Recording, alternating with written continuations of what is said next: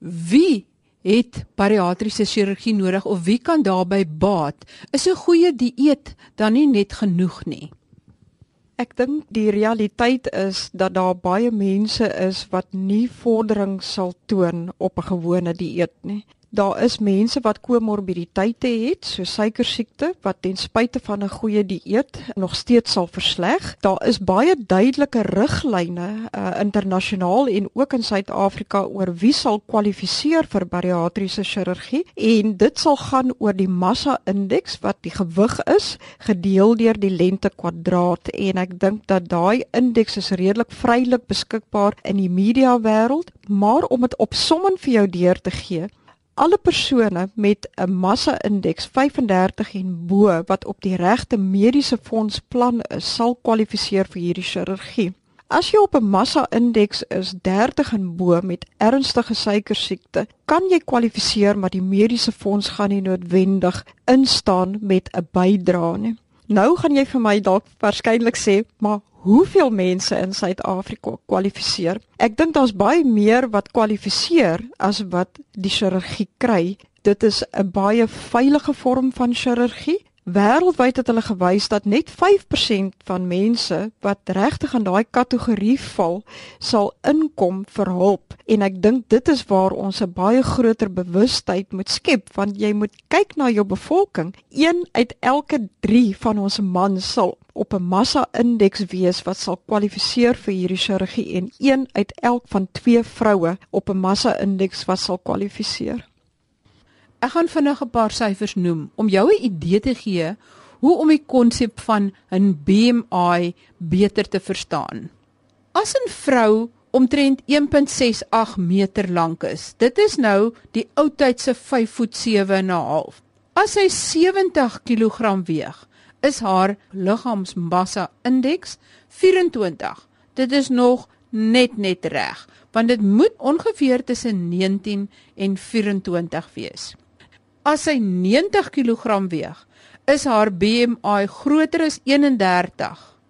As sy 100 kg weeg, is haar BMI oor 35. En is sy al meer as 30 kg oorgewig, 'n man van ongeveer 1.8 meter. As hy 100 kg weeg, is sy BMI reeds 30. As hy 120 kg weeg, is sy BMI 37. Ek het onlangs gelees dat hulle sê daar bestaan nie iets soos 'n gesonde vet persoon nie. So almal moet hulp kry en as die eet jou dan nie kan help nie, dan moet jy ander hulp gaan soek. Hoe maak mens seker dat mens nie onnodig hierdie operasie doen nie? Sal jy hulle mense wegwys? Die beste manier vir die publiek om hulle self te laat evalueer is om een van die senters te bel.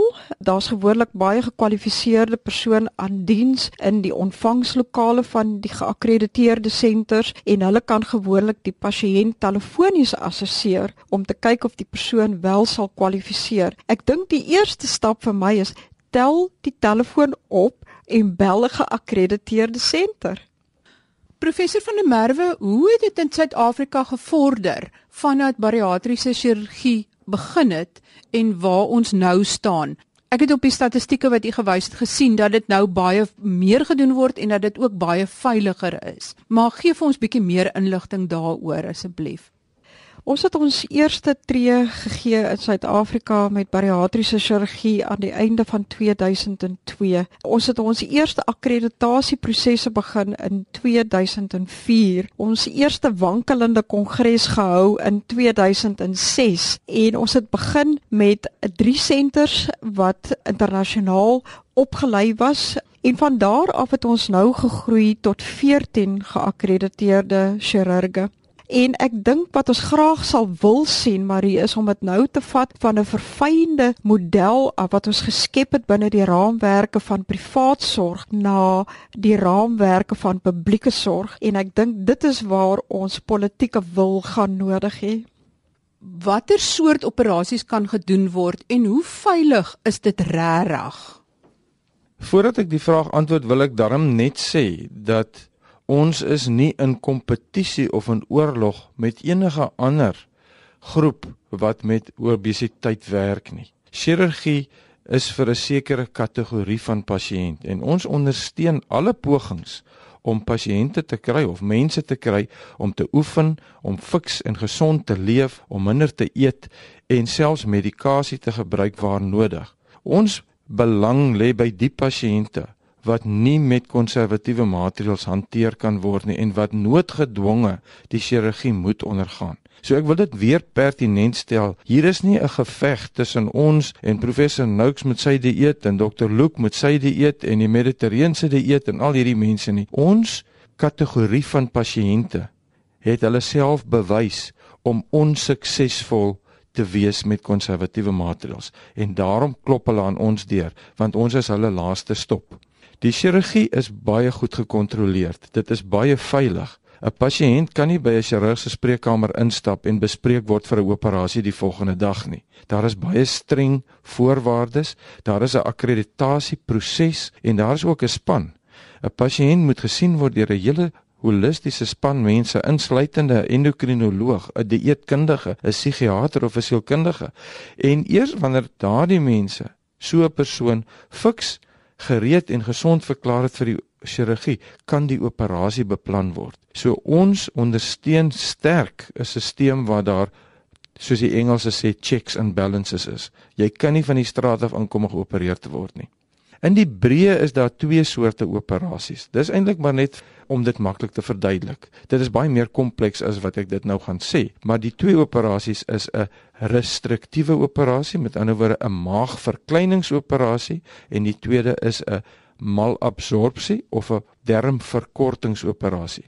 Die twee operasies werk as volg. Die maagverkleiningsoperasie skep 'n baie klein maag. So mens eet baie min en jy is baie gou versadig. Dit stuur die nodige hormonale en senuwee-impulse na die brein om te sê ek is versadig. Ek kan net 'n klein bietjie eet. Mens verloor dan gewig omdat jy minder eet as normaal. Die darmverkortingsoperasie is veronderstel om te werk op die basis dat mens nie al die kos absorbeer wat jy eet nie. Met ander woorde, 'n deel van die kos sal in die toilet beland. Dit is nie werklik so eenvoudig soos dit nie en ek dink die operasies werk eintlik op 'n hormonale basis. Maar vir die verstaan van die algemene persoon daar buite praat ons van die restriktiewe operasies en die darmverkortingsoperasies. Onder ons restriktiewe groep is daar op die oomblik die laparoskopiese band wat ons insit en die sleeve gastrectomy. Onder die darmverkortingsoperasies is daar op die oomblik die biliopankreatiese omleiding met 'n sleeve gastrectomy. En dan het ons eintlik 'n sonderlinge goue standaard tussenin operasie wat eintlik 'n kombinasie is van 'n darmverkortingsoperasie maar op 'n mindere mate so en 'n maagverkleiningsoperasie en dit is die gastriese omleiding of die sogenaamde Roux-en-Y gastric bypass. Dit is die operasie wat in ongeveer 85% van gevalle uitgevoer word omdat dit die meeste voordele vir die minste neeweffekte gee. Ons kan beter operasies doen in terme van gewigsverlies, maar dit het meer risiko's. Ons kan veiliger operasies doen in terme van algemene chirurgiese risiko, soos byvoorbeeld die band, maar dan het dit minder gewigsverlies. So ons beskou die gastriese omleiding as die goue standaard.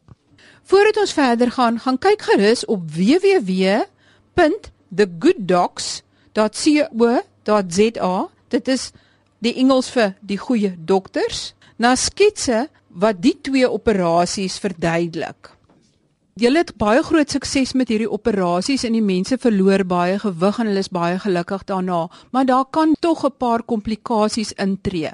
Professor van der Merwe, kan jy die drie belangrikste komplikasies noem en dan veral fokus op die sekere mineraal of vitamintekorte wat kan ontstaan en hoe mens dit kan oorbrug? Die twee mees algemene komplikasies is tekorte in proteïene en vitamiene en dan longkomplikasies onmiddellik na die chirurgie. Die longkomplikasie is gewoonlik iets wat deur die medisy hanteer kan word. Dit is redelik algemeen bekend in hierdie kringe van medisyne dat hierdie tipe van komplikasie wel sal ontstaan en ek dink as jy 'n goed opgeleide senter het, sal jou mediese personeel wel weet wat om vinnig te doen om die situasie reg te stel. Wanneer dit kom by die tekorte, het ons eintlik 'n drieledige verantwoordelikheid. Daar's die verantwoordelikheid aan die kant van die medisy om die regte vitamiene voor te skryf en seker te maak dat die dieetkundiges die klem plaas op die regte inhoud van sekere makronutriënte. Dit sal ons wel van ons kant af doen jy het nie meer 'n baie groot absorpsie vlak met ander woorde dit wat jy uit die kos uit kan opneem is nie genoegsaam nie en dit moet farmakologies aangevul word wat 'n baie hoër konsentrasie van 'n spesifieke vitamien of 'n mineraal gee en dus daai tekortkominge sal teenwerk dan is daar die verantwoordelikheid aan die pasiënt se kant om te weet dat vetsug is 'n mediese siekte. Dit is nie 'n kosmetiese siekte waarvoor jy kom vir 'n vinnige chirurgie en dan van die planeet af verdwyn omdat jy lekker voel nie. Jy moet in konsultasie met jou mediese span bly vir so lank as wat moontlik is en dan is daar die verantwoordelikheid van die media en ek is so bly dat Dr Victor Ramatasela ons media verteenwoordiger van SASO vandag by hierdie kongres is want ek dink dat vir 'n vereniging soos ons inne is hierdie tipe van media teenwoordigheid en verantwoordelike lewering maar dis soos wat jy vandag vir ons die geleentheid gee is ongelooflik belangrik. Ons het die media nodig om ons te help om hierdie bewussynsvlak te skep by pasiënte oor hoe hulle hulle self moet oppas na die tyd. Jy het in jou lesing gesê dat dit eintlik soos 'n huwelik beskou moet word tussen die span wat die pasiënt hanteer en die pasiënt en dat hy eintlik lewenslank in baie noue kontak met sy span moet bly. Vind julle dat dit 'n probleem is? Marie, ek dink die hartseer gedeelte van medisyne is is dat dit maak nie saak na watter veld van medisyne jy kyk of jy werk met diabetiese pasiënte of jy werk met kankerpasiënte of jy werk met metabooliese pasiënte nie. Daar sal altyd pasiënte wees wat hulle self goed genoeg sal ag om die pad byster te raak. Met ander woorde, hulle kry die houding van ag dit gaan goed met my. Ek het nie regtig nodig om my uh, geneesheer te sien vir opvolging nie. En dan kom hulle na ons toe terug baie keer as dit te laat is. So ek dink die enigste verskil is is dat met die geakkrediteerde senters is daar 'n database wat vir ons baie duidelik uitspel watter pasiënte wel terugkom en watter nie. En dat ons letterlik van maand tot maand jaar na jaar baie versigtig sit en kyk en krities sit en kyk na die opvolge van ons pasiënte pasiënte waar as dit nie noodwendig die geval is met ander mediese velde nie. Ons het nou gekyk na die komplikasies, maar net om alles in perspektief te sit, kan jy uitwys watter klein persentasie eintlik komplikasies kry en wat verkeerd loop en wat die suksessyfer eintlik is wat betref dat 'n gesonde, skraler mens aan die ander kant uitkom. Dit is nou na 'n paar jaar en nie onmiddellik nie. Mens moet die vraag op twee maniere antwoord. Die grootste rede hoekom ons die chirurgie doen is nie om mense maar te maak nie. Dit is om mense gesond te maak. En alhoewel dit so is dat die gemiddelde persoon by ons instap en sê dokter ek is erg oorgewig en ek kan nie maar word nie, opereer my, is ons fokus op die komorbide siektes wat gepaard gaan met die vetsug en daardie siektes kan daadwerklik verbeter word. Die syfer is tot soveel as 96% verbetering of volledige opklaring van siektes soos tipe 2 diabetes, hoë bloeddruk, obstruktiewe slaapapnee en 'n hele groep van ander siektes. So die chirurgie red lewens en ons kan sê dat 'n gemiddeld van 7 tot 15 jaar by sulke mense se lewe bygevoeg kan word as hulle suksesvol die chirurgie deurloop. Die tweede aspek van die vraag is wat is die komplikasies van die chirurgie op die korttermyn en die langtermyn? Ek moet sê ons is baie bevoorreg in Suid-Afrika dat ons sterftesyfer van hierdie operasie is onder 1% en dit is gelykstaande aan beste sentrums in die wêreld. En ek wil nou daarom ook nou byvoeg, dit is nie omdat ons so goed is nie, maar dit is omdat ons van die begin af die ding beplan het as 'n multidissiplinêre span wat op 'n geakkrediteerde basis in senters van excellence werk. En dit is hoekom ons hierdie syfers kan produseer. Die korttermyn komplikasies is in die omgewing van so 10% wat nou kan wissel tussen minor en major komplikasies. Dis gewoonlik meestal mediese probleme wat kom as gevolg van komorbide siektes. Maar dit is ook tog so dat daar komplikasies van die operasie kan wees. Daar kan bloeding wees, daar kan heel orgaanbeserings wees en natuurlik die groot vrees wat ons het is dat die lasplekke wat ons maak in die darm waar die maag aan die darm gelas word dat die lasplekke kan lek. En ons doen alles in ons vermoë natuurlik om dit vroeg op te spoor en sulke pasiënte moet geheropereer word. Maar ons praat van 'n operatiewe mortaliteit en dit strek net vir die eerste 30 dae. Ons sien baie komplikasies na 30 dae wat gepaard gaan met slegte opvolg. Dis mense wat nie hulle middels neem nie, mense wat nie hulle supplemente neem nie, mense wat nie gereeld terugkom nie, wat dan komplikasies kry. Daar is komplikasies soos wanvoeding, vitamiengebreke en die gevolge daarvan. Daar is komplikasies soos ulcerasie wat ontwikkel in die klein maagie wat selfs kan bloei of kan perforeer. So dit is krities belangrik soos professor van der Merwe gesê het dat pasiënte kom vir hulle opvolg. Maar as ek die vraag op 'n een eenvoudige manier moet antwoord, jy is baie beter af met die operasie en die geringe komplikasies van die operasie as sonder die operasie en met al die potensiële probleme van die komorbiede siektes. En ons weet ook dat hoewel die chirurgie duur is, dat die gelykbreekpunt by 4 jaar is. Met ander woorde, mense wat komorbiede siektes het en wat voortgaan om te leef soos wat hulle leef en nie die gewig verloor nie, sal na 4 jaar meer kostes hê as wat hulle sou betaal het vir die chirurgie. En dit is ons beroep op die mediese fondse is om na hierdie syfers te kyk en te besef dis eintlik tot almal se voordeel dat mense die korrekte behandeling kry want dit is koste-effektief selfs ook sover dit diabetes betref. Ons het nou vandag ook gekyk op 'n video terwyl een van hierdie maagomleidings gedoen word en Ek moet sê as ek sien met hoeveel versigtigheid maar met deeglikheid die chirurg die operasie doen, kan ek sê mens kan regtig waar volle vertroue hê in die geakkrediteerde chirurge wat wel toegelaat word om hierdie chirurgie te doen want die groep saam polisieer ook die hele stelsel sodat dit net die beste chirurge is wat hierdie tipe operasies doen.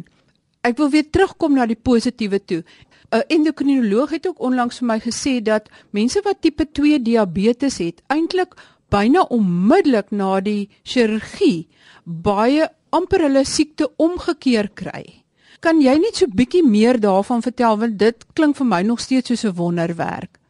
Ja, suikersiekte se omkering of remissie soos ons dit dan noem, is ek dink die een wat die wow factor het Ons moenie vergeet dat daar ook remissie is van meeste van die ander komorbiditeite nie. En die rede hoekom ons so vinnige induksie van 'n remissie kry in die diabetes is suiwer omdat daar 'n dramatiese verandering plaasvind in baie van die neuropeptiede wat afgeskei word in die maag en in die eerste gedeelte van die klein darm en die operasie was aanvanklik 25 jaar terug in Swede ontwerp juis met die idee om van hierdie peptiedafskeiding wat betrokke is by insulienweerstandigheid, die terugvoer na die pituitêre klier wat die klein kliertjie is in die brein wat jou versadiging beheer, maar ook syne afstuur verder af na die pankreas toe om te sê iets dramaties het nou gebeur en binne 24 tot 48 uur reageer die tweede syne dan heeltemal op 'n ander manier rondom die insulienreseptor, die hantering van uh, suikermetabolisme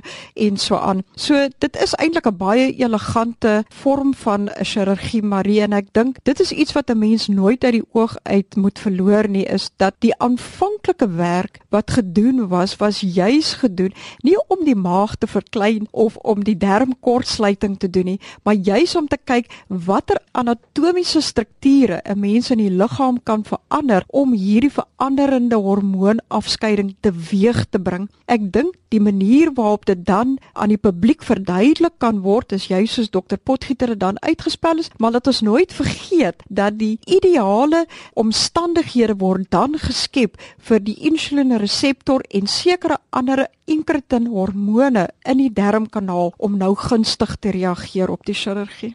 Ek het ook verneem dat pasiënte met polisistiese ovariële sindroom wat ook baie dikwels sukkel met obesiteit tot groot voordeel met hierdie tegnieke behandel kan word. Dit is heeltemal korrek. Polikistese ovariële siekte is een van die min inherente siektes wat gekoppel is op 'n primêre vlak aan insulienweerstandigheid. In meeste ander gevalle is insulienweerstandigheid sekondêr, maar met polikistese ovariële siekte is daar 'n primêre vorm van insulienweerstandigheid. En dit is juis hierdie veranderinge wat ons plaasbring aan die neuropeptiede en die hormone wat dan 'n gunstige ommeswaai bring in die vlak van insulienweerstandigheid. En natuurlik, dit gee die pasiënte 'n baie baie groter kans op 'n suksesvolle swangerskap. Ek dink aan die einde van die dag moet 'n mens nooit die menslikheidsfaktor uit die oog laat nie en daar is definitief pasiënte wat by ons deure aanklop wat gesukkel het met infertiliteit oor 'n dekade of meer wat wel deur in vitro fertilisasie prosesse gegaan het, maar die hartseer saak is, is hoe meer polikistese hulle word, hoe meer oorgewig hulle word, hoe meer oorgewig hulle word, meer polikisteus word hulle en daar is net 'n manier om hierdie siklus te verbreek nie. En as jy vandag kyk na die uitkomsdata in terme van sukses van fertiliteitsbehandeling vir polikisteuse as uh, pasiënte wat nie swangerskappe kan bereik nie, is bariatriese chirurgie heel bo aan die lys. Is daar spesifieke redes waarom party dokters nie pasiënte wat eintlik hierdie chirurgie benodig of daarbey kan baat vind nie verwys vir die tipe chirurgie nie?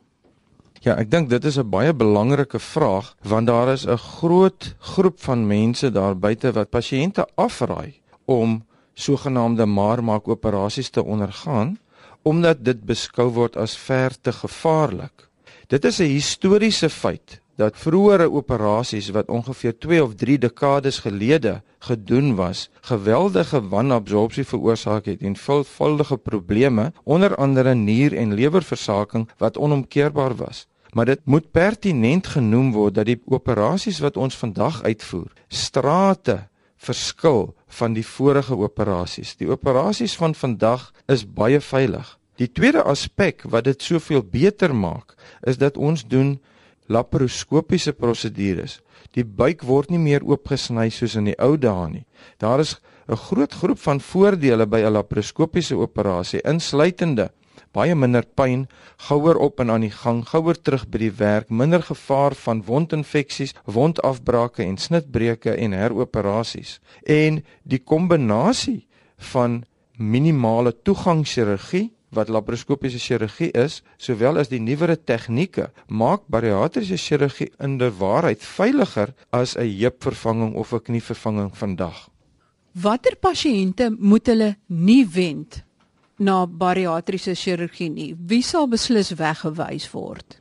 Ek dink dit is seker die mees belangrike vraag en dit is 'n moeilike vraag om te antwoord, want die antwoord mag nou miskien kwetsend klink. Pasiënte wat nie bereid is om in te koop en 100% toegewyd die proses te deurgaan nie, moenie die moeite doen nie. Want dit is nie wat ons aan 'n pasiënt wil doen nie. Dit is wat ons vir 'n pasiënt wil doen. Dit beteken vir my om op 'n pasiënt te opereer, moet ons 'n span wees. En ons span bestaan dan uit 'n groot groep van ander mense buite die chirurgie wat help om die persoon voor te berei en ook help om die pasiënt op te pas na die tyd. As 'n pasiënt van die begin af nie die toegewydheid het om die voorbereidings te volg en op die opvolge te doen nie, dan wil ons nie so 'n operasie doen nie want dit skep risiko's as die persoon nie betroubaar is nie. Mens moenie die operasie doen om met jou man wil hê jy moet maar wees of of jou ma so sê of om met jou neef so sê of om met jy in die spieël kyk en jy dink jy gaan meer seksie lyk like as jy die operasie gehad het nie. Jy moet die operasie doen omdat jy wil gesond leef. En dit beteken jy aanvaar 'n totale verandering in lewensbeskouing en in hoe jy gaan lewe. Die operasie is maar eintlik net 'n klein stappie in die nuwe jy, jou nuwe mens wees. Die res, die 99% is hoe jy dit gaan opvolg, hoe jy jou opvolge gaan behartig, hoe jy gaan hou by jou nuwe eetpatroon, gaan jy jou oefeninge doen, gaan jy gereeld die bloedtoetse doen. As daar foute is, gaan jy jou dokter besoek. As 'n mens nie daai oortuiging het nie en jy's nie toegewyd nie, dan moet 'n mens nie die chirurgie ondergaan nie. Die tweede ding is die internet koop van 'n maarmaak operasie is om heeltemal heeltemal afgeskiet te word. Dit is heeltemal nie die manier wat ons wil werk nie. Ek het pasiënte wat Brasilië toe vlieg want hulle sien op die internet hulle kan gaan en vinnig vir hulle 'n maarmaak operasie kry en na 'n week is hulle weer terug in die land. En dan daag hulle hier op met probleme en dan moet ons na hulle omsien. Hierdie is nie pick and pay wat mens tussen die rakke loop en jy kies wat se kos jy van die rakke wil haal nie. Hierdie is 'n lewensveranderende ding wat vir die res van jou lewe saam met jou moet loop. Jy moet toegewyd wees. Jy kan nie na dokters toe gaan wat nie geakkrediteer is nie. Dokters wat hulle nie steur aan riglyne. Dokters wat nie veilig opereer en veilig die prosedures volg nie. Ek het by geleentheid gehoor van pasiënte wat by 'n dokter instap en sommer op die volgende dag se teaterlys bespreek word. Dit gee bariatriese chirurgie 'n slegte naam. Ons ondersteun dit geensins nie en ons kan dit nie sterk genoeg afwys nie. 'n Pasiënt wat by my kom, wag gemiddeld 3 maande voordat hulle geopereer kan word want dit is die tyd wat ons nodig het om as 'n groot holistiese span daardie individu voor te berei om veilige chirurgie te doen. So hierdie oor die toonbank of oor die internet gekoopte maarmaak operasies kan glad en geheel en al nie goed gepraat word nie. Sal jy optree teen 'n dokter wat hierdie operasies aanpak maar eintlik nie goed genoeg daarvoor bekwame is nie. Marie, ek dink dit is waar Suid-Afrika nogal 'n goeie formule het. Ek wil in die eerste plek vir jou sê dit is geensins vir my of dokter Potgieter lekker om 'n tipe van 'n polisiekrag uit te oefen op wie die chirurgie korrek doen en wie dit nie korrek doen nie. Die lank en die kort van die saak is dat alle vorms van medisyne moet in 'n gedissiplineerde vorm toegepas word en vir dit het 'n mens 'n stelsel nodig van akkreditasie, riglyne, reëls en ja, daar is ook dokters wat hulle akkreditasie verloor het, klaar al verloor het in Suid-Afrika omdat ons die risiko van hulle operatiewe tegnieke van so aard ag dat dit nie vir ons die moeite werd is om hulle op die akkreditasie lys te hou nie. So ja, ons werk baie hard daaraan om die dokters akkreditasie te gee en om die veld uit te brei, maar ek kan nou al vir jou sê Marie dat ons nie skroom om die dokters wat oortree ook uit die kudde uit te haal nie. En daar is absoluut geen twyfel in my of dokter Potgieter se gemoed dat die dokters wat hierdie chirurgie doen buite kan die raamwerke van die akkreditasie riglyne glad nie verdedig sal word by die mediese raad nie. Sjoe, dit is nogal kwaai, maar dit wys net in watter veilige hande die organisasie die pasiënte wil sit. So vinnig kom ons dan ook aan die einde van ons program. Die webwerf waar jy meer inligting kan kry oor die geakkrediteerde sentra wat bariatriese chirurgie behels en vir wie jy kan kontak is sasomonline.co.za. Ek gaan dit vir julle spel. Dis S A S O M online o n l i n e.co.za. En as jy 'n navraag wil rig, skryf gerus aan Jenny J E N N Y Jenny met 'n y by sasomonline.co.za en sy sal julle verwys na die regte mense of vir julle help om die regte inligting te kry. Volgende week se program handel oor die gebruik van antibiotika want daar bestaan groot bekommernis by dokters en spesialiste omdat antibiotika so verkeerd, so dikwels voorgeskryf en gebruik word. Dan is ook besig om voor te berei vir 'n opvolgprogram met professor Tes van der Merwe, want sy het baie interessante inligting oor wat gebeur in die brein en in die liggaam wat maak dit dit so moeilik is om sommer net te besluit om op 'n dieet te gaan en daarmee vol te hou om gewig te verloor nie. So, tot volgende week dan. Totsiens.